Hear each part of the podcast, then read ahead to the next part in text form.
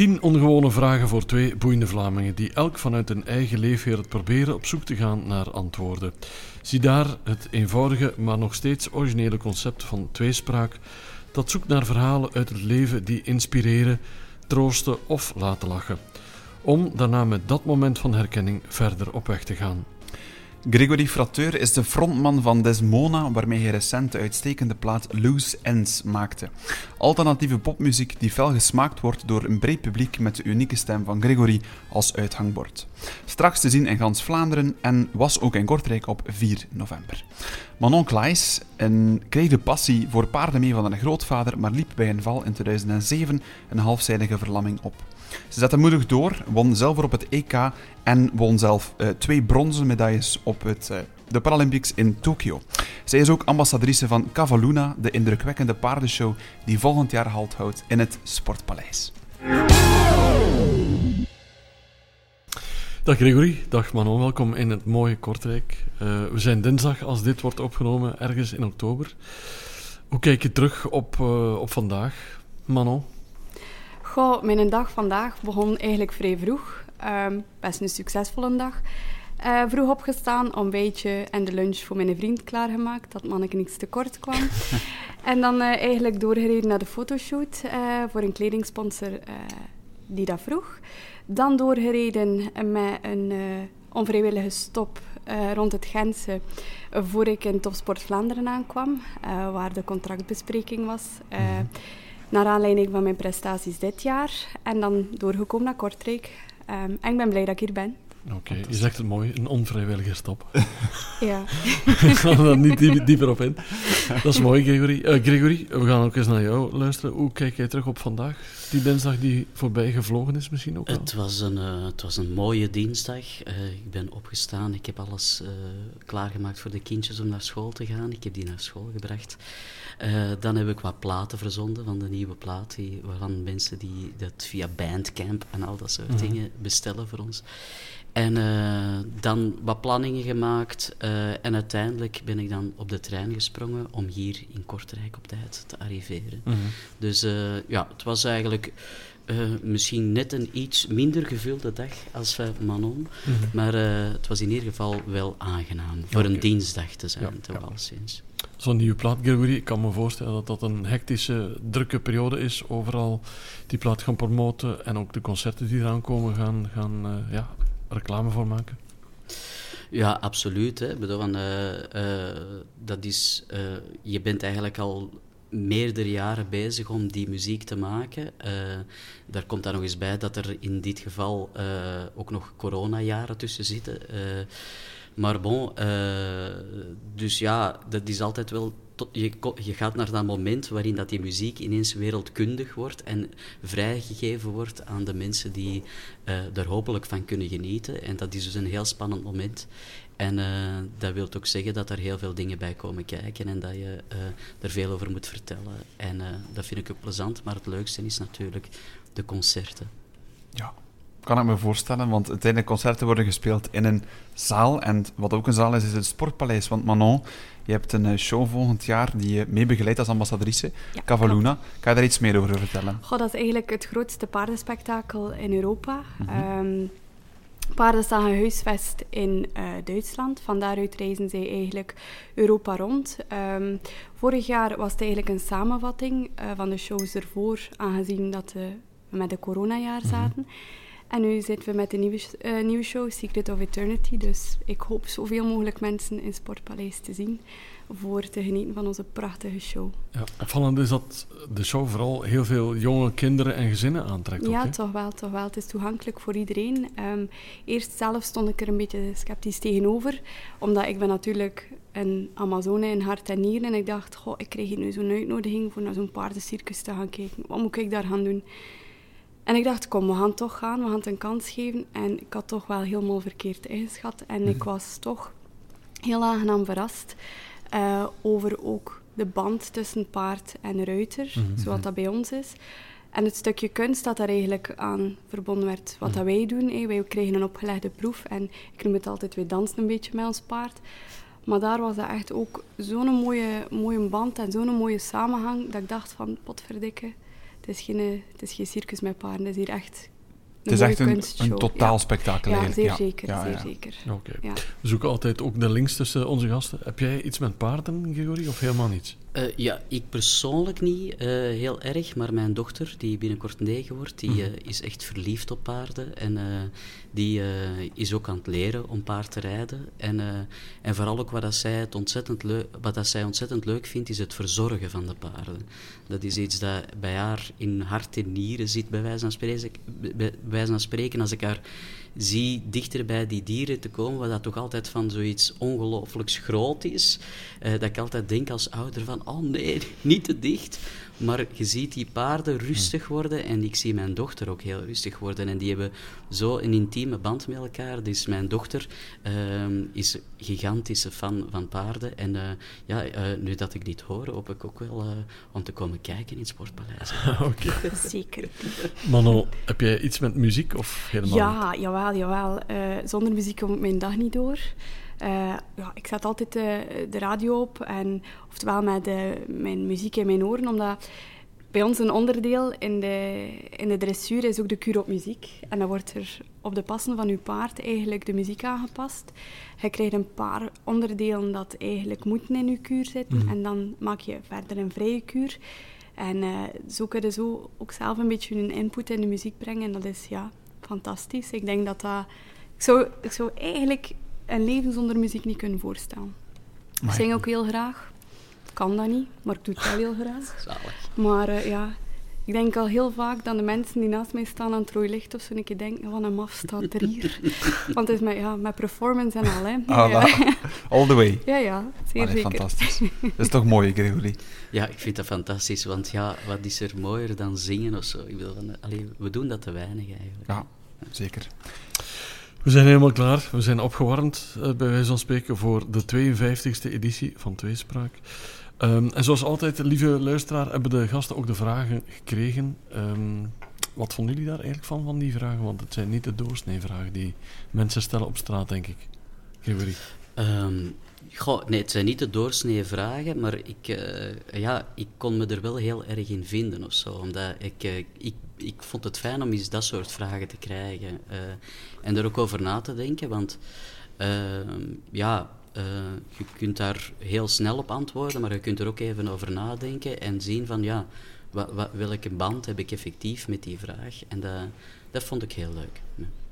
Manon, heb jij lang moeten nadenken bij bepaalde vragen? Eigenlijk een beetje hetzelfde. Als het krijgt, dan denk je, oeh, dat is heel iets anders dan dat we gewoon zijn. maar toch, als het dan een keer laat bezinken, zijn dat toch wel vragen waar dat er een diepzinnigheid achter zit, vind ik. Omdat er toch de laatste tijd, ja, er verandert zoveel in de wereld waar dat je eigenlijk niet bij stilstaat. Dat het toch, als je die vragen krijgt, denk van, tja, ja. Mm. Ja. We zijn super benieuwd naar jullie antwoorden, dat is al zeker. Pieter-Jan, ik geef jou de eer om de allereerste te stellen. Super, ik ga hem er meteen eentje uitpikken. En ik neem in onze opleiding vraag 8, en die is als volgt. Uh, van wie of wat krijg je maar nooit genoeg? Mano, ik zie je nu al lachen, dus ofwel heb je het antwoord klaar, ofwel denk je van, doe me. Dat is eerst aan mij. Uh, nee, ja, van wat krijg ik nooit genoeg? Van mijn paardensport natuurlijk. Uh, ik denk, ja, de, de dag dat ik niet meer paard rijd, dat wil zeggen dat ik er voor het lelijk te zijn, er dood afgevallen ben. Ja. Um, dat heeft zo'n belangrijke plaats in mijn leven gekregen. Um, deels, ik deed dat al van kinds af aan, dat geeft u een verantwoordelijkheidsgevoel. Um, je bent bezig met de dieren, die voelen nu ook heel goed aan. Zoals Gregory al mhm. zei met zijn dochter ook. En het is ook eventjes de wereld vergeten. Want mm. als een paard rijdt, heel veel mensen denken dat dat super eenvoudig is. Maar je zit op een paard. Je moet eigenlijk constant gefocust zijn op dat dier. Want ja, je bent bezig met een, een levend wezen en je focus en je concentratie moet daarop zijn. En dat is zalig, want je kan eigenlijk eventjes heel de wereld vergeten. Mm. Ja. Een dag zonder paarden, kan dat of niet? Ja, wel, eigenlijk vandaag is dat voorgevallen. Maar ik denk dat ik straks nog een stop maak, want mm. ik moet mijn atleten toch zien. Hè. Absoluut. Kom. Maar je hebt dus echt een heel diepe band ook met de paarden zelf. Jawel, ja. Dat is al altijd zo geweest, maar na mijn ongeval eigenlijk nog meer. Deels, ik ben paraatleet en in onze sport als paras, heel veel wordt de handicap naar voren gebracht. Precies, het rolstoelwielrennen, rolstoelatletiek. Mm Maar voor ons, onze paarden worden eigenlijk op dat moment onze benen en onze handicap, allee, of ik het zo mag zeggen, wordt eigenlijk een beetje verstopt. En ja, als ik naar een wedstrijd ga of zo, dat is altijd een stukje ten oorlog trekken met mijn beste vriend onder mij. Hè. Absoluut. Ja. En, en kan of wil je iets vertellen over de val in 2007? Eh, ik moest eigenlijk dat moment niet paardrijden. En er vroeg iemand aan mij, goh Manon, wilde mijn paard uitstappen? En ik zag daar eigenlijk geen graad in. Maar ja, op mijn jeansbroek en mijn flipflops, ja, dat is niet de ideale combinatie. En ik krijg een voetje en het paard schrikt van een geluid achter hem. En ik wil er toch nog op en ik zit achter het zadel en het paard heeft eigenlijk, wat dat ieder paard zou doen, een boksje gesmeten. En ik ben met mijn poep op de beton gevallen en ik had eigenlijk drie wervels verbrezeld en een barst in mijn nek. Ehm, ja, en dan, ik had eigenlijk ook eerst de ernst van het ongeluk niet door. Ik had wel veel pijn, maar ik kon niet specifiek zeggen daar of daar. En ik ga er altijd van uit dat mensen met de beste bedoelingen handelen. En de meneer van het Rode Kruis zei tegen mij, kom, stel u maar recht, we liggen in de weg voor de paarden. En die heeft mij recht getrokken. En op dat moment, om dat gevoel te beschrijven, dat was precies of ja, de pries werd uitgetrokken. Je voelde zo, roef. En het was gebeurd, mijn been. Ik, op dat moment, ja, weet het is goed fout. Ik ben dan naar eh, het ziekenhuis overgebracht. Ehm, moest daar binnen 24 uur geopereerd worden of de schade was blijvend. En mijn ouders zijn dan moeten komen tekenen voor de operatie, omdat er daar toch wel een heel groot risico aan vast zat. Maar gelukkig, wij zijn ja, hele positieve mensen. En mijn ouders zijn, oh nee, 50% kans dat ze lam blijft.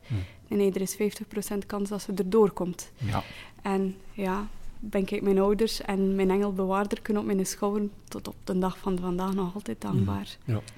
En is je relatie met paarden dan toch niet veranderd? Want ze zijn toch een beetje de... Nee, absoluut niet. niet. Nee, nee. Je Integendeel. bent niet boos. Nee, paarden. absoluut niet. Nee, ik kan vaak boos zijn, maar niet op mijn paard. Ja, op de paarden. Maar ze zeggen dat toch dat de paarden ook een soort van therapeutische werking hebben. Dat je is te, is te knuffelen of aanraken, dat je er echt energie uit haalt. Ik- Hypotherapie, zoals we dat Ja, dat wordt noemen. vaak gedaan. Ehm, nu, bij mij, ik doe alles zelf op stal. Natuurlijk wel op mijn eigen tempo, maar Mhm. ik kom s morgens toe, ik zie al mijn paarden. Ik kan al zeggen, oké, niet aan een goede dag of niet aan een minder goede dag. En eh, door ermee bezig te zijn, bouw je een vertrouwensband op. Maar dan zie je ook veel. Is het paard in orde? Hoe voelt hij hem vandaag? Is er iets mis? Moet een dierenarts komen? En ik denk dat dat een deeltje voor mijn prestatie ook te goede komt. Gewoon de band met uw dier. Ja. Amai. Ja. Mooi. En ook heel duidelijk, vind ik, de band Ja. met jouw dier. Jawel. Bedankt ook om dat te delen. Geen enkel trouwens, probleem. Gregory, we gaan ook de vraag aan jou stellen van wie of wat krijg jij nooit genoeg? Goh, van heel veel eigenlijk. Eh, natuurlijk ook uiteraard mijn grootste passie. Hè. Eh, ik, ik treed daar Manon ook in bij. Van, eh, bedoel, van, als ik geen muziek zou hebben, dan zou ik op deze moment niet weten wat, wat ik zou doen. Dat is iets dat bij mij dag in dag uit leeft. En eh, dus ja, ik kan daar alleen maar over zeggen wie- of wat. dat wisselt ook wel elke keer of zo op een of andere manier. Maar waar ik wel zeker van zijn, van ben, sorry, eh, is dat ik eh, nooit verveeld raak na- eh, door het luisteren naar Nina Simone bijvoorbeeld. En eh, dat is iemand die eh, in mijn muzikale eh, carrière of gewoon ook als mens eh, mij ontzettend veel eh, gegeven heeft door haar kracht, haar muziek en, eh, en haar, eh, haar, gewoon haar persoon. En eh, dat is iets, dat kan zijn dat ik daar soms maanden niet naar luister, maar als ik dan na een paar maanden dat opzet, dan voel ik gewoon zoiets in mij terug opnieuw, een vuur ontstaan. En dat is iets dat eigenlijk al eh, zolang dat ik haar ken, eh, als eh, muzikant en kunstenaar en performer, eh, dat dat iets is dat mij altijd heeft, eh, heeft geraakt. Ja, ja, de meeste mensen kennen haar van My Baby Just Cares, Just For Me, maar wat voor persoonlijkheid, wat voor mens was ze? Ja, ik denk dat. dat ik, ik herinner mij nog heel goed in 2003, toen dat ze is overleden, eh, werd er op Radio 1 eh, de My Baby Just Cares gespeeld naar aanleiding van haar overlijden. En ik herinner mij toen al dat ik iets dacht van, ja, maar dat is niet Nina Simone. Natuurlijk is dat ook Nina Simone, maar ik bedoel, van, eh, het is zo een belangrijk persoon geweest eh, eh, binnen in de muziek in eerste plaats, maar ook zeker naar de, de... Zij is een van de, naast uh, Billie Holiday een van de eerste protestzangeressen geweest, mm. die, uh, die na segregatie in Amerika heel hard haar stempel drukten op, de, op gelijke rechten, het streven naar gelijke rechten, dat activisme in haar muziek ook stak. En, en dat is toch wel iets dat een heel belangrijk element is geweest in haar, uh, in haar carrière, mm. vind ik. Maar ook tegelijkertijd ook een beetje de doodsteek geweest in die tijd, want dat werd niet echt aanvaard in het Amerika van die tijd. Dus zij is dan uiteindelijk naar Afrika gegaan, daarna naar Europa en heeft hier dan haar carrière verder proberen uit te zetten. Mm. wat dan natuurlijk jammer is, want zij vocht natuurlijk voor de zwarte Amerikaan in, in in Amerika. En uh, dat, is, uh, dat is een beetje een tragisch verhaal, maar, uh, maar ik, denk dat, ik denk dat we haar toch op die manier ook moeten zien. En los mm. daarvan ook iemand die een muzikaliteit heeft op een piano. want de meeste mensen denken van oké, die zingt wel bijzonder, hè, want zij heeft een heel bijzondere stem. Maar uh, je mag nooit vergeten dat zij zichzelf begeleiden op de piano en eigenlijk in eerste plaats een uh, klassiek opgeleide pianiste was, maar omdat ze zwart was. Dat is mhm. een van de verhalen die gaan. Ja. Uh, niet die kansen kreeg als de witte pianisten in die tijd. Ja. En daar heeft ze altijd voor gestreden om dat aan te tonen van haar, van haar grote kracht. En ja, het is raar om misschien te zeggen, als uh, ik ben ergens ook wel... Uh, ja, blij is een heel slecht woord om in deze context te gebruiken.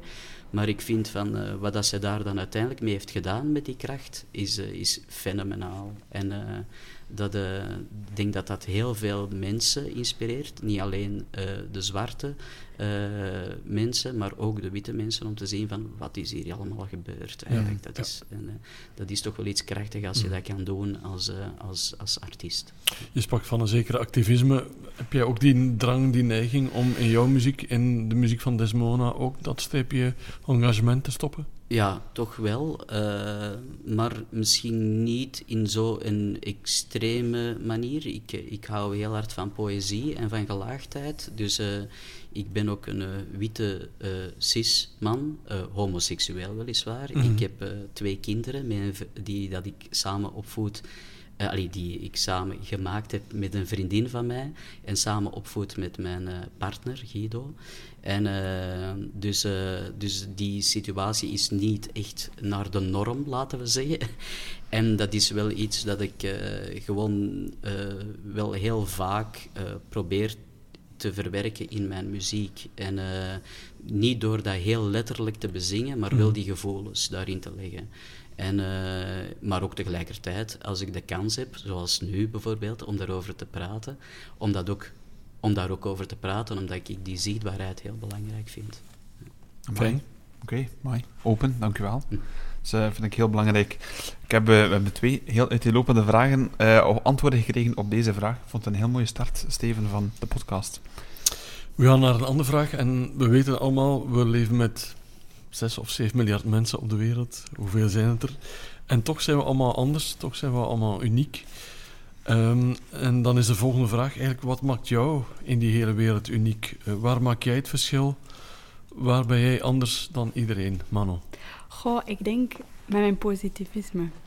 Ik ben echt iemand die, ik sta op en ja, ik heb zoiets van, ja, we kunnen weer doen wat we graag doen. En kom, we gaan hier zoveel mogelijk mensen proberen meetrekken vandaag in mijn positiviteit. Dat vind ik mhm. heel belangrijk. Ja. ja. Want we komen in moeilijke tijden, moeilijke periodes waarin veel mensen het niet zo positief zien. Nee. Zie je dat dan als een opdracht om een soort van zon onder de mensen te kunnen zijn? Ja, ik vind dat plezant om te zijn. Weet je, ik heb ook al wat watertjes doorzwom en niet gaan bestaan, niet, vind ik. En je zei pas, op, allez, je zei pas verloren naar de opgeeft. En opgeven staat ook niet in mijn woordenboek. Dus ik kan niet zeggen dat ik ook een keer geen slechte dag heb, maar probeer elke dag er wel iets positiefs uit te halen. En dat is misschien raar om te zeggen, maar dat is een deel ook gekomen door mijn ongeluk. Ehm, hoe slecht dat mijn ongeluk was, dat is voor mij toch iets positiefs geweest. Ehm, ik kan nog altijd doen wat ik graag doe. Ik krijg kansen dat ik misschien nooit tevoren ging gekregen. Ik reis heel de wereld rond. Ik kan op hele mooie kampioenschappen rijden. kan naar de Spelen gaan. kan naar WK's, EK's gaan. Ik denk dat ik een heel gelukkig meisje mag zijn met alles wat ik nog kan. Ja. En in problemen denken, dat is makkelijk, maar je moet in oplossingen denken. En dat zou alles een pak aangenamer maken Mhm. voor heel veel mensen. Ja, want met mijn ongeluk ook, hè, ik kon wel triestig zijn en zielig zijn en, en veel medelijden hebben voor mezelf, maar dat zou niet aan het feit veranderen dat ik een ongeluk had gehad. Ook niet aan het feit dat het nog omkeerbaar was. Hè. Voor de mensen rondom mij was dat ook niet fijn. Dus dan is het toch beter om er het beste van te maken. Ik bedoel, ik hoop dat ik nog een lange tijd mag meegaan. Absoluut. En ja, Maar dat is toch iets, ja, ook, we hebben het over uniek, maar dat is toch vrij uniek. Dat je zegt van in je eigen situatie, ik heb het zo ingezien en gaat gewoon door en uiteindelijk je legt het er je 100% bij neer en je maakt er echt het beste van. Ik vind Ja. dat wel chapeau. Ik vind dat een heel mooie ingesteldheid. wat ik ook geleerd heb is, ook een slechte dag heeft maar 24 uur. Weet je? Ja. Mhm. Dat is... Absoluut. En allee, ja, we slapen acht uur. Hè, we gaan gaan werken. Ook acht uur. Dan heb je 16 uur dat je bezig bent op je Mhm, dag. mhm. Dan voor de rest dat je nog het kom op. Maak plezier. Doe leuke dingen. Allee, ja, in de mate van het mogelijke. Dat moet Ja. daarom niet, niet veel geld kosten of, of gigantisch groot zijn, maar put kracht en uit, uit de leuke dingen. En, probeer geen negatieve energie te verspillen aan dingen dat je toch niet kan veranderen. Maar Dat draagt toch aan niks toe. Helder, dank Ja. u wel. Nee, maar dat is echt, dat is een mooie visie daarop. Ja. Ik denk dat veel mensen daar nog kunnen van leren, absoluut. Gregory, je hebt het ook al een klein beetje verteld daarnet. Je wil een witte cisman zijn, homoseksueel, vader van twee kinderen. Eh, dat maakt jou al uniek, maar zijn er ook nog andere domeinen of aspecten in jouw leven waar je zegt van daar wil ik toch ergens een beetje het verschil maken? Ja, nee, ik, ik, ik, ik treed Manon eigenlijk eh, daar eh, gewoon helemaal in bij. Ik van, wat ik probeer te doen in mijn leven, als ik... als je, we zijn hier inderdaad maar één keer. Allee, daar, ga, allee, daar, daar gaan we toch vanuit. en, eh, en, eh, dus ja, ik wil gewoon die dag grijpen. Hè. Seize the day, hè. dat is een cliché-uitspraak, maar dat is wel effectief wat het is. En daarom ook gewoon de, de daad bij het woord stellen en, en, en beslissingen maken. En eh, soms tegen de lamp lopen, eh, maar ook ijs breken in situaties. Ik hou van creatie, hè, anders zou ik geen muziek maken. Dus ik, eh, eh, en ik doe dat niet alleen, ik doe dat met veel mensen, maar ik doe dat ook met de mensen die mij heel nauw aan het hart liggen. Want ik bedoel, van, die, dat zijn inspiratiebronnen. Dus, dus in, die, in die context, ja, denk ik het is soms raar om van jezelf te zeggen, maar dat je wel ergens een soort van verbindende factor hebt. En, eh, en dat is iets dat soms al eens zwaar kan zijn, maar eigenlijk eh, op de meeste momenten eigenlijk heel veel warmte en, eh, en kracht geeft. En eh, ik denk dat, ik denk dat ik wel ook, allee, dat ik dat soort persoon wel ben, ja. ja. Maar dat ik vaak zie dat mensen het moeilijk hebben om over dingen te spreken of iets te doorbreken, of, of dan, dan ben ik wel degene die zegt van ja, maar we gaan het er wel even over hebben. Je zei daarnet ook heel duidelijk van, het is niet jouw leven ook volgens de, de norm. Eh, natuurlijk, ja, de dag van vandaag is er ook heel veel veranderd. We zijn in een heel moderne wereld. Word je daar nog veel op ja, aangesproken of krijg je daar nog veel reactie op? Maar eh, veel reactie, eh, ik krijg daar vooral veel vragen rond. Eh, dus, dus dat kan langs van alle kanten komen. Hè. Ik, van, eh, ik denk dat we dat vooral moeten bekijken als iets dat niet zo raar is. Hè. Dus eh, eh, we komen vanuit een andere tijd. We leven ondertussen bijna 2023 en we, we leven in een tijd waar dat internet compleet alles, alle kracht over heeft en alle beelden toont en soms ook niet. Hè. Dat zien we ook nu, wat er in Irak gebeurt of in China. Waar dat er, allee, ik zwart, we gaan niet uitbreiden over die politieke dingen, maar ik bedoel van, dus daar, daar wordt wel heel veel gespeeld met het beeld van mensen, maar dat was toen in die tijd, wanneer dat, dat allemaal niet bestond, ook zo. Hè. Dus het feit van dat andere dingen kunnen en niet per se fout zijn, eh, maar, maar evenveel uh, liefde en waarde hebben, dat is iets dat toch wel heel belangrijk is, dat we dat kunnen delen met elkaar. En uh, hoeft dat niet altijd, uh, moet ik zeggen, te begrijpen, maar toch alleszins, als we het erover kunnen hebben en de, die deur nog maar op een kier te zetten, put it ajar, hè, mm -hmm. dat is toch wel een heel mooi ding. En ik, ben, ik voel mij daar ik voel me daar op deze moment heel veilig over om Ja. daarover te praten. Mhm. Absoluut. En ben je dan iemand die durft op de barricade staan om het geweten van mensen eh, te schoppen en te veranderen op dat vlak? Nee, ik ben eerder ook een vraagsteller. Ja. Ik, eh, ik ga niet zeggen wat dat mensen moeten denken. Ik, dat, dat, dat vind ik eh, iets heel raar, want ik bedoel, van iedereen komt ook van een andere afkomst en heeft andere opvoeding en heeft andere beelden meegekregen en andere waardes. En, maar ik ben wel iemand van de vraag te stellen, om daarover na te denken. Mhm. En ik denk dat die vraag altijd gesteld moet worden. Absoluut. Ik vind dat wij heel, twee heel heldere gasten hebben vandaag voor ons, eh, Steven. Ik vind het eh, heerlijk. Ik zal ook meteen overgaan naar de volgende vraag. Een van mijn favorieten trouwens. Ehm, ik hoop dat jullie graag een glas wijn drinken. Allebei, of eigenlijk hoeft het niet door, maar het zou wel fijn zijn. Want stel jullie één avond iemand mogen uitnodigen bij jullie thuis voor een goed glas wijn. Zeg er meteen bij, die persoon hoeft niet per se nog te leven. Het mag iemand zijn dat je uitnodigt die uit de dood eventjes herrijst. Hoe fijn zou dat zijn? Wie zou dat dan zijn voor jou? Ik ga misschien een keer beginnen met Gregory deze keer. Ja, het is eh, de meest emotionele vraag die Ja. dat je mij kan stellen op dit moment, omdat eh, mijn papa vandaag eh, 78 zou geworden zijn. En eh, die is uit het leven gestapt. Ehm, die was he- heel erg ongelukkig. En ehm, dat eh, was een heel lange strijd, eigenlijk, eh, zijn mentaal welzijn en dergelijke. En eh, dus ja, als ik eh, die keuze zou moeten maken, is het vandaag Ja, dat begrijp ik zeker. met hem een glas wijn te kunnen drinken. Ja, Ja. Sorry. Nee, nee, alle respect, alle respect. We gaan even over naar, naar, Ja. naar. Ehm, ik versta Gregory daar heel goed in. Eh, bij mij is iedereen altijd welkom en ik wil ik met iedereen een glas wijn drinken. Maar in specifieke mijn omaatje. Die is eh, recentelijk ook overleden. En eigenlijk is dat een van mijn grootste krachtbronnen dat ik eigenlijk ooit gehad heb. Dat was naast mijn beste vriendin ook mijn raadgever. En als ik met iets zat, dan belde ik naar mijn oma. En ja, die heeft mij door zoveel geholpen. En dat was ook mijn grootste fan.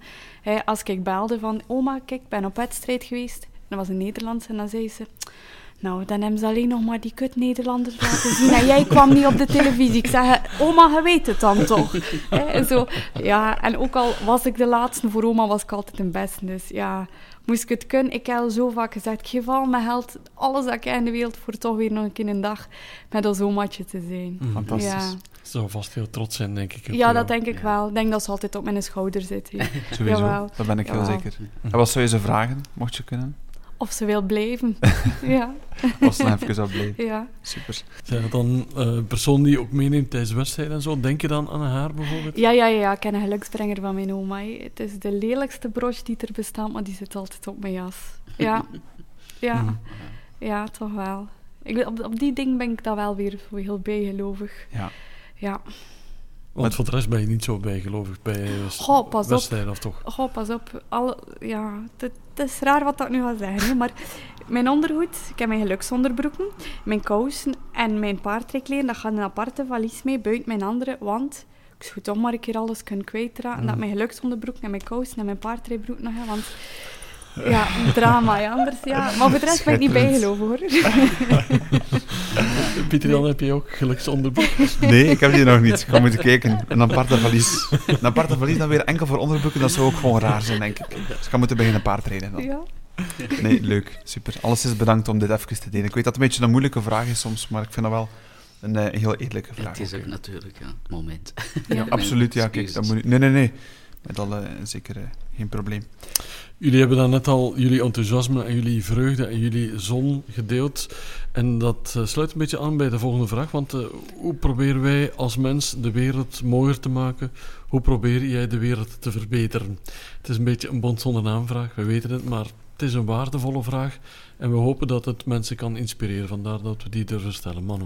Goh, ik denk eigenlijk door mijn eigen te blijven. Mijn eigen authentieke zelf. Want er zijn al kopieën genoeg, zeg ik altijd. En je kan, de mooiste persoon die je kan zijn, is eigenlijk jezelf zijn. En ik denk dat heel vaak te veel mensen willen passen in het plaatje van de maatschappij nu. En waarom? We zijn zo mooi allee, als, als persoon. Iedereen is zo uniek, iedereen met een eigen verhaal. Waarom moet u veranderen? Dus ik denk de mooiste persoon die je kan zijn, is jezelf. Amai. Ja, Ja, nee, nee, dat absoluut. is zo. Ik vind het mooi ook dat je alles zo, zo precies een pasklaar antwoord hebt, maar het is echt wel waar wat hij zegt. Maar dat, ja, maar dat Ja. is... Waarom zou ik iemand anders moeten zijn? Oké, ik heb een beperking. Ik ben niet beperkt. Ben daar beschaamd over? Nee. Dat maakt mij tot wie dat ik ben. Mhm. En één is genoeg.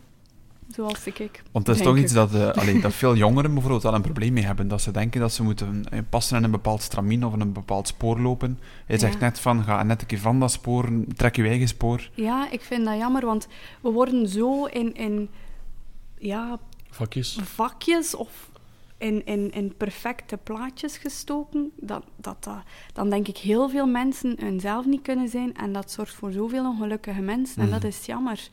Allee, ja. En bij mij is dat nu met mijn beperking dat ik ook wil er staan voor mensen, oei, voor mensen die, die misschien zelf staan of te kijken of, of die worstelen met, ja, met iets dat ze tegengekomen zijn en daar, daarvoor misschien niet durven uitkomen dat, dat, er, dat er iets is of dat ze beschaamd zijn om... om in mijn geval, ik, ben ook, ik, heb dat, ik heb dat allemaal doorgemaakt. Hè. Anders zou ik daar zo sterk nu niet in zijn, denk ik. Maar ik ben ook beschaamd geweest dat ik plots mijn leven ondersteboven stond en dat ik dingen niet meer kon eh like dat vroeger kon. Maar dan, ja, ik ben nogal een creatief in mijn gedachten ook. En dan, oké, het gaat niet meer like dat moet. Maar dat moet maar like dat gaat. Maar gaan moet het, weet je? Dus we vinden wel een manier om het te doen gaan. En like dat Gregory ook zei, het is jammer dat de, allee, met de vinger zou gewezen worden omdat de papa bent van twee kindjes en een vriend hebt. So be it. Ja, absoluut. Het maakt hem toch tot geen slechte persoon. Het is toch een mooie persoon die naast mij zit. Twee kindjes, heel veel liefde voor die kindjes, voor zijn partner. Nou, dat is maar iets om trots op te zijn. Kunnen veel mensen nog iets van leren, Ja. vind ik. Ja, dank u. Ja, nee, dat is zo. Dat is zo. Allemaal heel mooi wat je zegt. We Ja. kunnen daar weinig aan toevoegen, ik toch niet. Dus ik ga de vraag ook voorleggen aan eh, Ja. Gregory. Muziek maakt, mooier, maakt de wereld mooier, maar misschien heb je nog andere manieren om de wereld te verbeteren. Ja, ik, ik, eh, ik, ik- je zit met twee gelijkgezinden, denk ik. Ik heb het gevoel een beetje aan tafel. Want eh, er is zo een, een motto van eh, ehm, Mahatma Gandhi dat mij altijd wel bijblijft. Is, is, is be the change you want to see in the world. Hè? Dus dat je zelf die verandering bent, dat je wilt zien. En, eh, eh, als vertaling dan. en, eh, maar dat is wel een soort van motto die, dat, ik, dat ik wel toepas in mijn leven en dat op verschillende vlakken probeer toe te passen. Dus zowel in mijn muziek, maar ook gewoon in mijn dagelijks leven. En ook, ja, ehm, bepaalde dingen proberen aan de kaak te stellen. Ik bedoel van, eh, ja, ik ben gewoon ergens ook wel... Ik heb wel dat activisme een beetje in mij om, eh, om daarover te praten en dat bespreekbaar te maken, wat ik er straks al heb gezegd.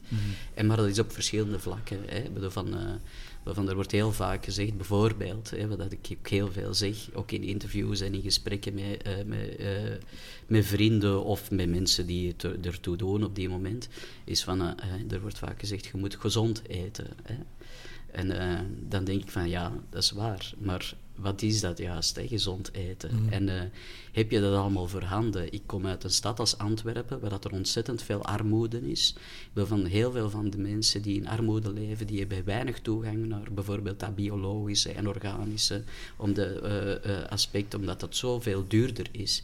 Dus ik denk dat we dan, als we dat proberen op te leggen aan de samenleving om gezond te eten, dan moet daar ook in geïnvesteerd worden dat de armsten onder ons eh, daar toegang toe hebben. Dat zijn bijvoorbeeld, dat is nog maar één dingetje, maar dat is dus ook een deel van mijn activisme, om daar wel, om dat bespreekbaar te maken. Ja, bespreekbaar maken is één ding, maar geen woorden, maar daden. Kan je dat ook concretiseren in wat je doet? Ja, eh, eh, bijvoorbeeld eh, een aantal jaar geleden, dat zal je, een goede vriend van mij, eh, Jeroen Olieslagers, eh, stond aan de basis om, een, om in Antwerpen gratis voedselbedeling te doen op de grote pleinen van Antwerpen. Dat was begonnen op de Groenplaats. En, nee, dat was begonnen aan het stads... Nee, ja, het maakt niet uit. Aan het, het Centraal Station zijn dan moeten verhuizen naar de Groenplaats. Maar dus dat mocht op een bepaald moment niet. Hè. Dus we, gaven daar gratis soep weg en eh, er waren allemaal mensen die eh, gebak kwamen brengen. Dit en dat.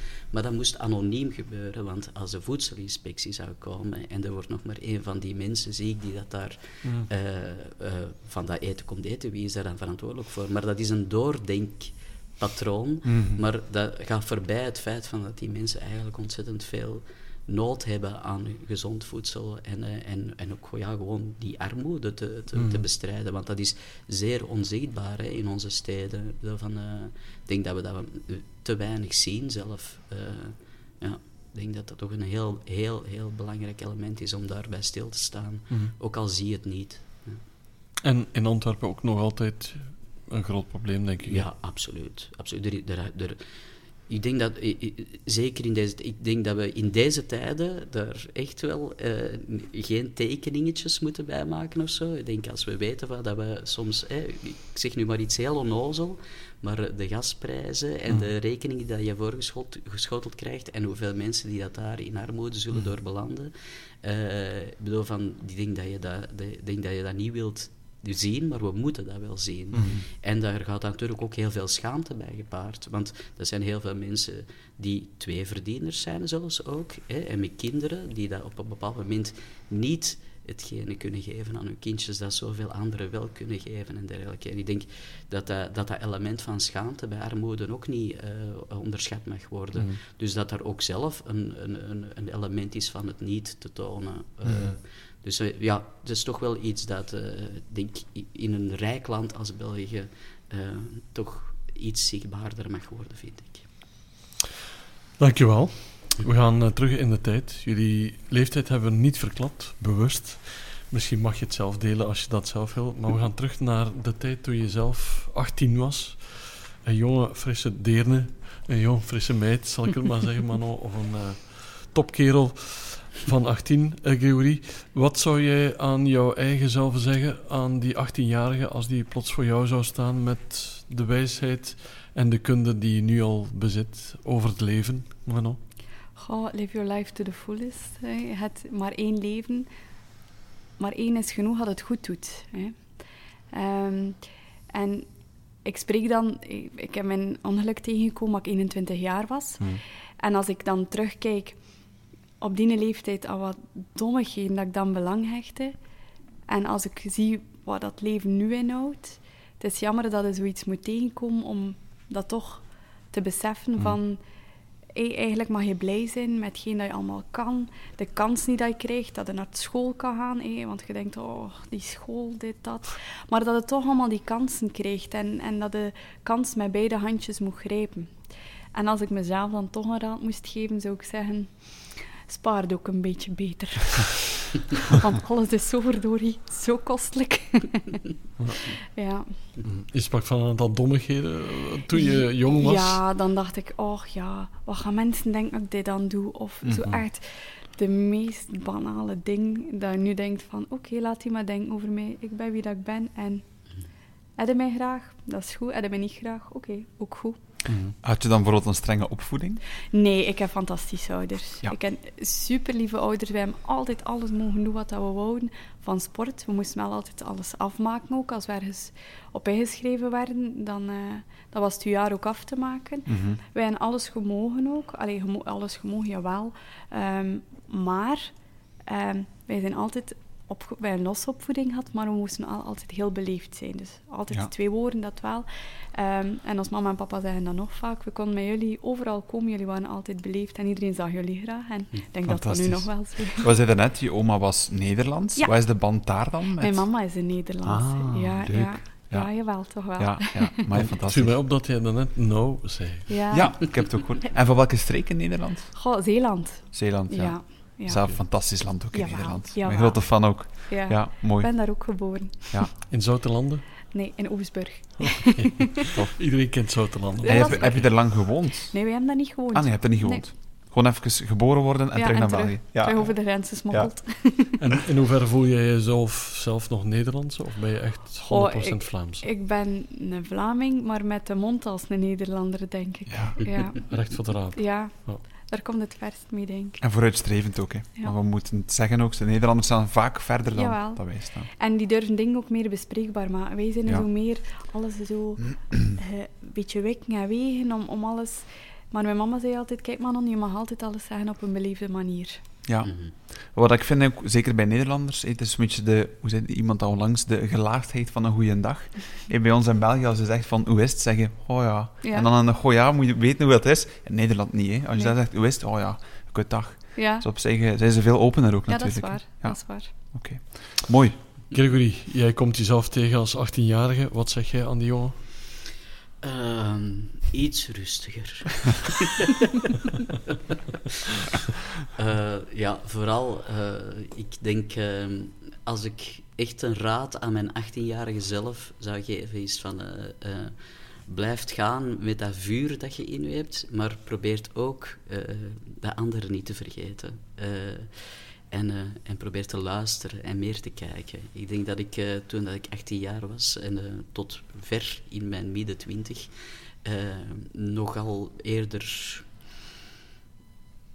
egocentrisch in het leven stond. D- Dat is niet helemaal zo waar, maar toch, dat gevoel heb ik nu wel als ik daar op terugkijk. Ik bedoel van, ik ben altijd omringd door heel veel vriendschap en zo, maar eh, ik heb daar niet altijd naar geluisterd. Mhm. Ik heb dat niet altijd gezien dat dat er was. Heb je dan kansen laten liggen, vind je?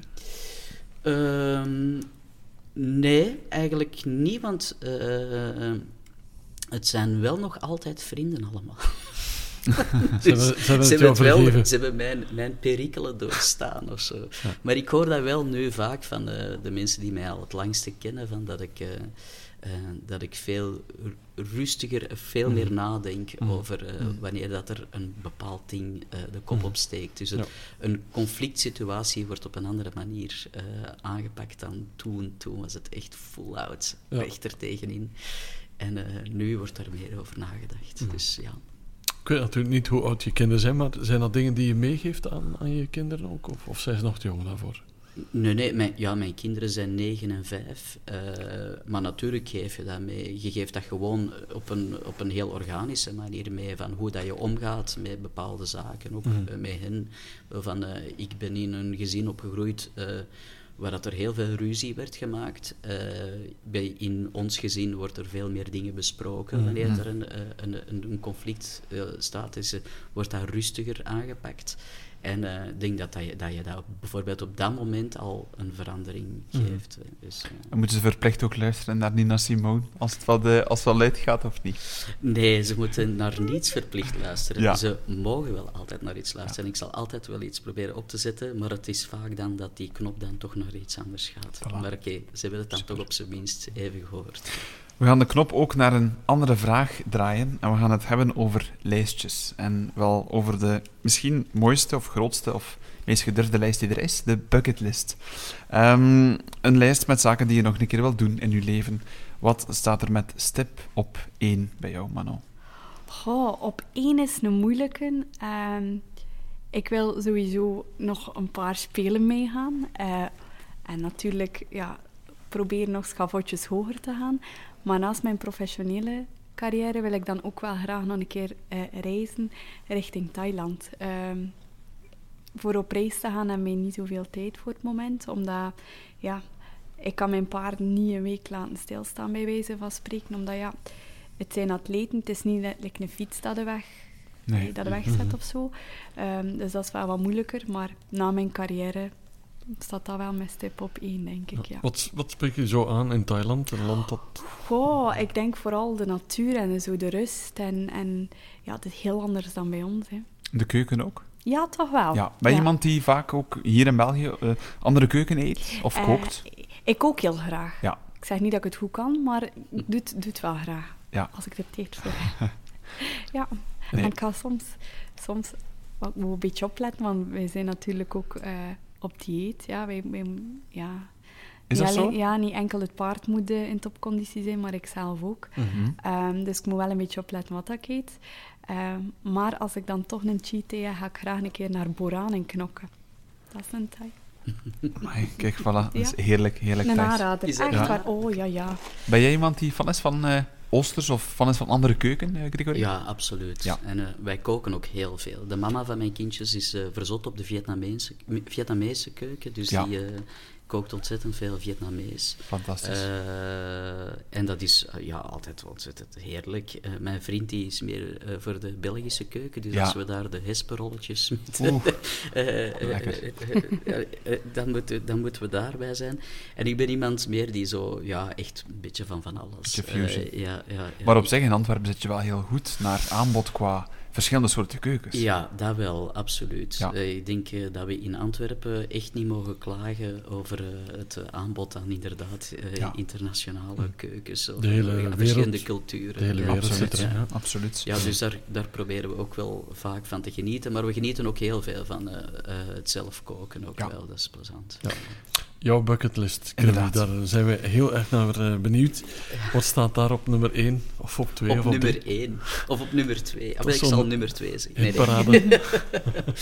Eh, oh nee, op de bucketlist. Eh, ik bedoel van... ehm, eh, de, de evidentie is natuurlijk van eh, nummer één is blijven muziek maken. En ik bedoel van blijven geïnspireerd zijn Mm. en dat doen met de mensen die dat je, eh, dat je het meest, eh, allee, hoe zeg je, eh, voeling mee hebt. Ja, connectie. Ja. maar dat is iets dat eigenlijk al gebeurt. Dus dat is eigenlijk niet echt die, die, dat kan ik eigenlijk in principe al afvinken. Dus, eh, maar eh, het ding is van, ik heb al heel veel in de wereld gezien dankzij de muziek. Mhm. Ehm, ik ja, denk dat ik buiten Afrika eh, bijna alle continenten heb gezien. Eh, eh, allee, gezien, geweest ben. ja, door jouw muziek eigenlijk. ja, door de muziek. En ehm, eigenlijk, op de bucketlist staat dan dat ik dat eigenlijk echt als toerist wil doen, maar dan met mijn kinderen. Oké. om daar echt naar op reis te gaan. Want ik bedoel, van, het is zo fantastisch om eh, de wereld rond te reizen en heel veel dingen te zien, in contact te komen met verschillende culturen. Eh, maar dan heb ik altijd toch wel een klein beetje een gemis, omdat eh, eigenlijk, ja, want dat is als een soort, ja, ik kan wel een postkaart sturen, maar eigenlijk wil ik liever dat jullie erbij zijn. Zo van, kom Ja. dit mee beleven. En dat is toch wel iets dat ik heel graag zou willen doen en daar de tijd voor nemen. Want ja, dat is natuurlijk ook zoiets. Ik bedoel, er is iets als vluchtigheid in muziek. Is een heel vluchtig medium in de zin van dat, oké, wij hebben nu een nieuwe plaat uit, maar eigenlijk moeten we al bezig zijn voor de volgende plaat, zodat die er, hè, eh, dat- we, dat we kunnen blijven die muziek maken. Dus ja, er is ook- een bepaald moment dat je moet gaan kiezen van, eh, nu ga ik daar echt de tijd voor nemen Ja. om dat eens te doen. Mhm. Toch is dat jouw plaat. Loose Ends heet die. Eh, we gaan toch nog een beetje reclame maken, want het is een heel mooie plaat. Heel mooie plaat. Waarom heb je die titel gekozen eigenlijk? Ehm, ja, de plaat gaat eigenlijk over liefde. De, eh, dus dat, dat is... Als ik dat zo zeg, dan denk ik me eigen van... "Ah, Dat is zo raar om dat zo te zeggen, want eigenlijk bijna elke muzikale artiest heeft wel over liefde geschreven. Eh, van eh, metal tot, eh, tot reggae, tot ballads, tot popmuziek. Dus het is een beetje raar om dan te zeggen van ja, oké, na twintig jaar, want we zijn al twintig jaar bezig, om dan een effectief een plaat te maken rond liefde. En dat, dat is eigenlijk gestart, die, die, die plaattitel is gekomen omwille van een lied dat we daarvoor hebben geschreven, dat ook Loose Ends is getiteld. En waar het eigenlijk gaat over dat je eh, naar de zoektocht naar geluk, de zoektocht naar, eh, naar, naar happiness, naar joy, eh, dat dat niet altijd even vlot verloopt, of dat je daar binnen in een verwachtingspatroon komt waarin dat je dat vaak niet tegemoet komt, hè, omdat je daar eigenlijk meer voor moet openstaan dan het te zoeken, maar het eerder toe te laten. Maar als het komt op gebied van liefde, dat, dat dat iets is dat misschien daar dat losse einde niet is. Ik bedoel, van als je de mens ontmoet waar dat je zo een ontzettende band mee hebt, dan, eh, dan, eh, dan eindigt dat losse einde of zo. En dat, dat is een beetje zo het, het poëtische beeld dat we daar hebben proberen te leggen. Maar dat is ook, eh, ik ben iemand die eh, eh, ontzettend houdt van de Griekse mythologie en ook bijvoorbeeld van het verhaal van Odysseus. Dat gaat ook over aankomen en weer vertrekken. Dus een geluk, dat bestaat niet constant of zo. Dat komt en dat gaat. En je moet er alleen maar voor openstaan. Ja. Moet je dat proberen vast te houden of doe je dat niet? Niet halstarrig. Wat, wat bedoel je met dat laatste? Want dat intrigeert mij wel. Niet Ja. halstarrig. Omdat ik dat net al gezegd heb, van je moet ervoor openstaan, maar soms vertrekt iets terug. Ik bedoel van, eh, je kan, als je iets probeert vast te houden, Van dat, dat, dat, dat, halstarrig probeert vast te houden, dan is de kans heel groot dat je dat verliest. En dan zie je niet meer de waarde van wat dat, dat is. Mm. En, wel van, en soms moet je ook kunnen loslaten om terug iets te vinden. En dat, dat is wat ik daarmee bedoel. Voilà, we gaan allemaal luisteren naar de plaat. Zo zeker zijn we daarvan. We gaan er nog eens een andere vraag tussen gooien, Mano, en ik kijk naar jou. Als je nu terugkijkt op jouw leven, uh, waarop ben je dan echt trots? Het zou kunnen zijn dat je zegt van alle sportieve prestaties, of zijn er ook nog andere dingen die je wilt delen met ons? Tuurlijk ben ik trots op mijn sportieve prestaties, maar ik denk vooral op de persoon die ik geworden ben. Um, ik had al dat juist gezegd, dat het jammer is dat je eerst iets moet tegenkomen voordat je um, wordt tot wie dat ik nu ben. Maar uh, ja, ik ben trots op de positieve persoon die ik geworden ben na mijn ongeluk. Mm. Ja. En ik hoop dat ik heel veel mensen kan inspireren um, om ook, uh, lijkt dat ze bij ons zijn, er had in de rand te nemen en ervoor te gaan. En niet in een hoekje te blijven zielig zitten doen of, of zelf medelijden hebben. Mm. Want ja, daar schiet het echt niet mee op. En Mm. ja, ondanks dat mijn ongeluk slecht was, ben ik heel trots op de persoon eh, die dat, dat ik Mhm. geworden ben door mijn ongeluk. Ja, Ja, want het valt mij op dat je daar heel gemakkelijk en vlot over eh, praat ook. Ja. Hè? ja. ja want oké, dat ongeluk was een negatieve ervaring, maar uiteindelijk zijn er daar zoveel positieve gevolgen aan geweest. En nog altijd. Mhm. Dus, En dat mogen delen, bijvoorbeeld in deze podcast, is jouw jawel. manier om mensen te inspireren. Zeker weten. Eh, ik denk dat er heel veel mensen ehm, ja, ook met dingen of, of tegen, tegen dingen aanlopen dat ze zeggen: verdorie, hoe of wat, dit of dat. Maar ja, ik zeg het. Het, het kleinste beetje licht dat het is een streepje licht en gaat daar naartoe, pak dat, pak dat vast en doet er iets mee. En hoe klein dat uw progressie ook is, al is dat maar mini-stappetjes. Het is beter zoveel mini-stapjes te nemen dan één grote stap vooruit en dan weer vast te staan. Het is beter dat je kleine stapjes neemt en blijft vooruit gaan, dan ene keer een Mhm. grote stap vooruit te gaan. Vraag je dan ooit af bijvoorbeeld dat, hoe dat de leven er ging uitzien als je het ongeval niet had gehad? Nee, Of zij daar nooit bij stil? nee, ik sta daar nooit bij Ik stil. merk dat wel ook, dat je iemand bent die echt in het nu leeft, Ja. die denkt, ja, Ja. ik vind dat mooi. Ja, uiteindelijk, Het is gebeurd, hè? Ja, het is absoluut, gebeurd. absoluut. like dat Erik Falloy Ja. zeggen, het is gebeurd. Ja. Ja. Ja, nee, ik kan het niet terugdraaien en, en ik kan er alleen maar het beste van maken. En, Mhm. Maar ik veronderstel ook dat je dit niet zou zeggen, misschien een maand of twee maanden of misschien een jaar na je ongeluk. Hoe lang duurde dat voordat je dit besef begon te krijgen? Goh, dat is eigenlijk zo stom gekomen. Ehm, ik lag in het ziekenhuis. Ik heb drie maanden eh, ja, effectief bedlegerig geweest. En dan naar ehm, de revalidatie overgegaan in het UZ. En eh, K7, ik kan het nooit vergeten. En ehm, ik lag nog in het ziekenhuis en mijn oma belde. Ja, mijn omaatje. Manoontje, er is iets van paarden op de televisie. Dat was dan op, op Canvas, denk ik.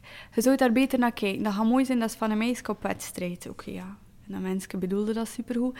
En dat was eigenlijk iemand die een accident ook tegengekomen had. ehm, maar in de jumping, dat meisje was gevallen met haar rug eh, eigenlijk op, op een hindernis. En die was eigenlijk van, van aan haar borst verlamd. En die zat in een harnas en die liep ja, zo Met een harnas eigenlijk ja, automatisch. En dan voor mij is dat wel een keerpunt geweest dat ik dacht van... Potverdikke, eigenlijk... ik kan nog alles bewegen, kan nog alles. Ik krijg nog een kans eigenlijk om, om nog zoveel dingen te kunnen doen. Ik kan misschien terug op een paard. Met mijn ouders dan de weg bekeken wat dat we konden doen, wat dat er mogelijk was. En eigenlijk is dat voor mij wel zo'n moment geweest dat ik wakker geschud werd van potverdorie. In plaats van te zitten, voor het lelijk te zeggen op zijn Nederlands, te zitten zeiken wat hij niet meer kan. Kijk een keer wat hij allemaal wel nog kan en doet daar iets mee. Iemand zei ooit, alleen de optimisten zullen overleven. Ik denk dat jij er zeker eentje bent. Ja, ja, dan hoor ik zeker 100 jaar. Minstens, Oké. minstens. Gregor, je hebt een eh plaatkast vol platen al gemaakt. Je hebt in mooie zalen mogen optreden. Je bent in binnen- en buitenland geweest voor jouw muziek. Zijn er nog andere dingen waar je trots op bent? Of is dat toch wel het zwem?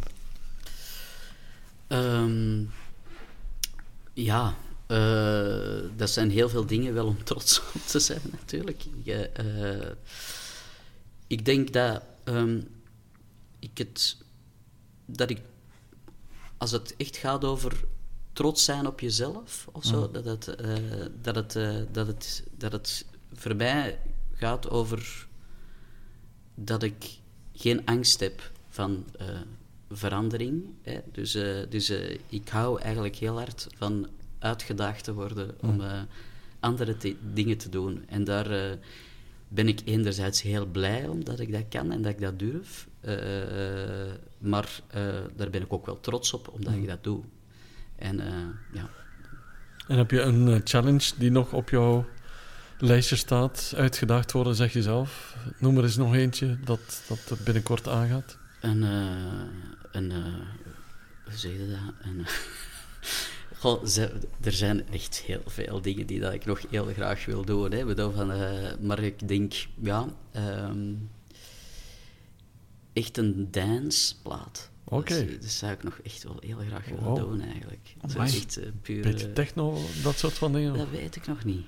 Dus dat, dat, kan techno zijn, dat kan house zijn, dat, kan, ja. uh, dat weet ik nog niet. Maar echt, uh, ik heb het al gemerkt, uh, in het verleden heb ik wel al eens met DJ's mijn stem aangeleend. Mm -hmm. En en op een of andere manier werkt dat. Mm. En uh, ik denk dan van, misschien moet ik dat zelf ook eens doen. Dus, maar ja, wanneer dat, dat gaat gebeuren, en dan hangt dat ook vanaf van bij welke DJ's, want dat is toch, uh, om dat te maken, ja. lijkt me dat ook niet zo evident. Maar, uh, mm.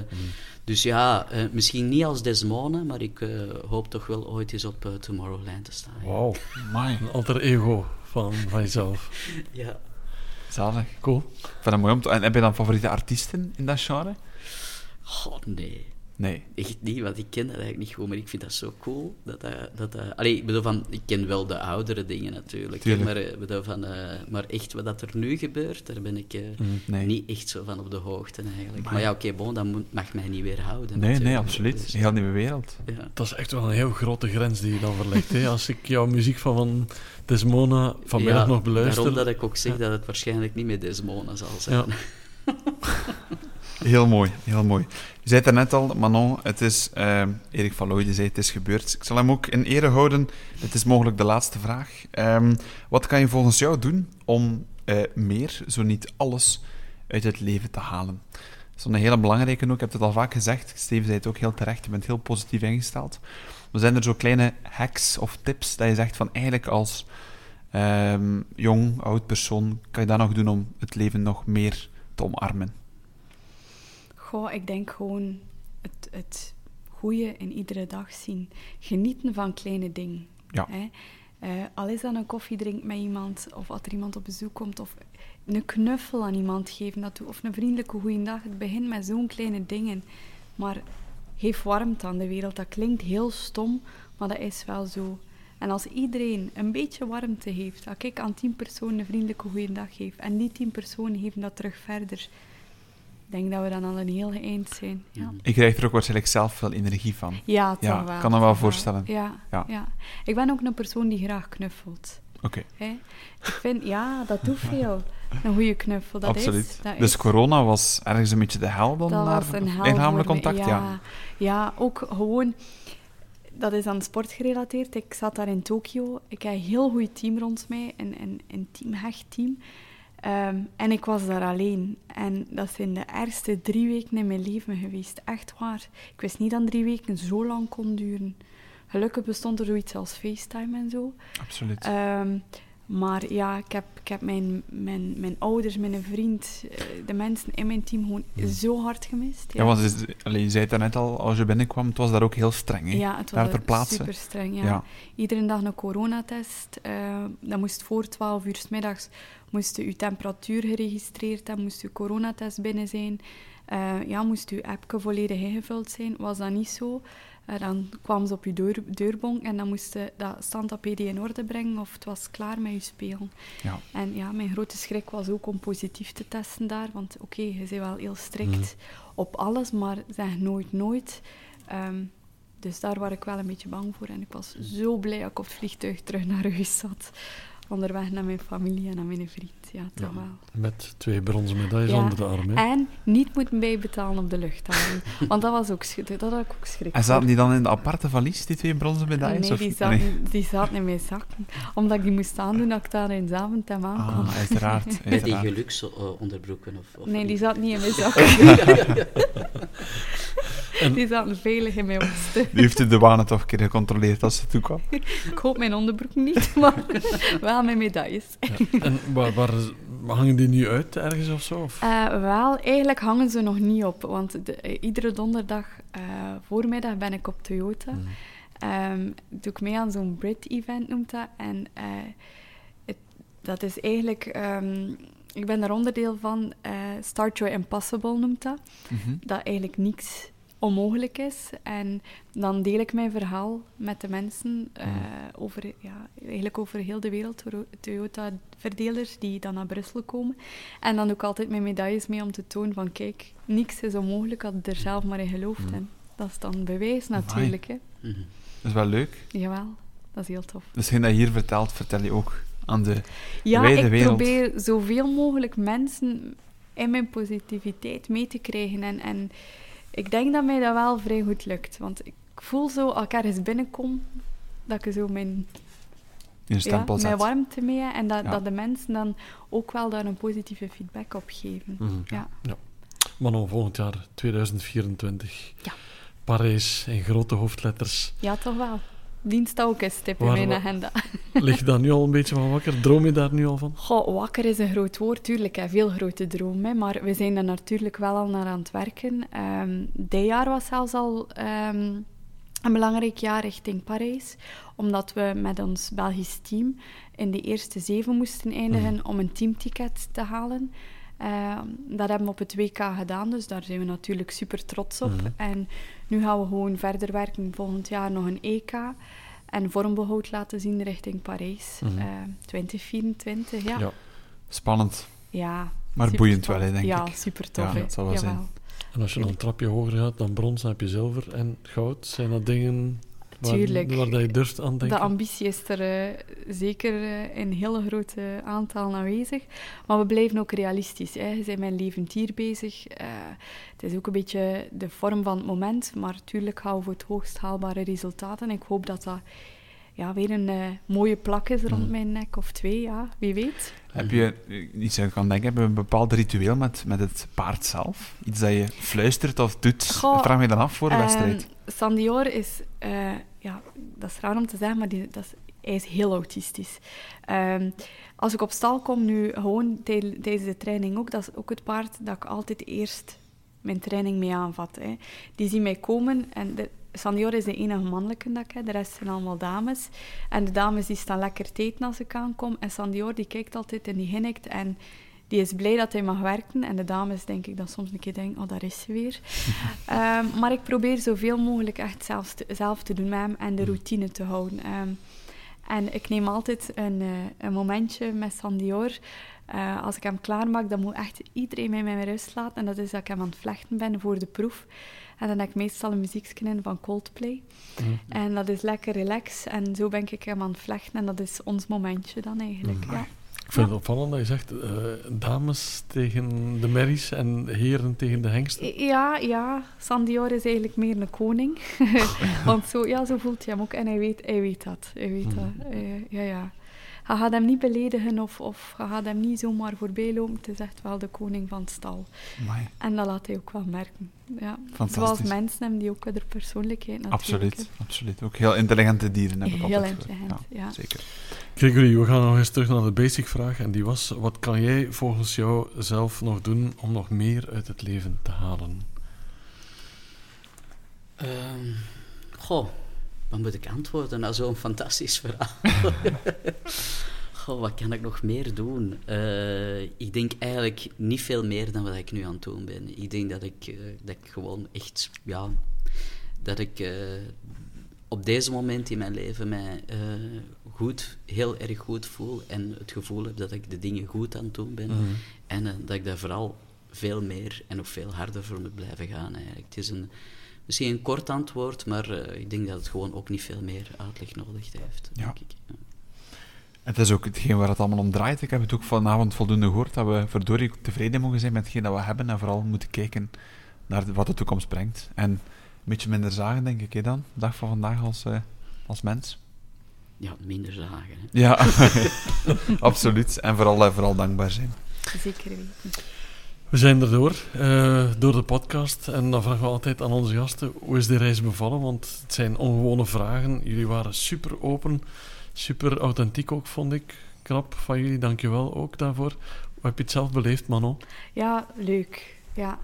Weet je, ik zeg het nog een keer, ik ben trots op de persoon wie dat ik ben. En ja, de mensen mogen dat gerust weten. Ik, ik ben ook niet beschaamd om hetgeen dat ik tegengekomen ben. Of, of ik heb daar ook geen, geen moeite voor om, om daarover te praten. En denk dat mensen ja, een hele stap vooruit zouden zijn om sommige dingen te benoemen en niet mhm. beschaamd te zijn of, of mhm. bang te zijn voor, voor reacties. Want uiteindelijk, ja, sommige mensen hebben u graag, sommige mensen niet. En, en so be it. Dus, ja. ja.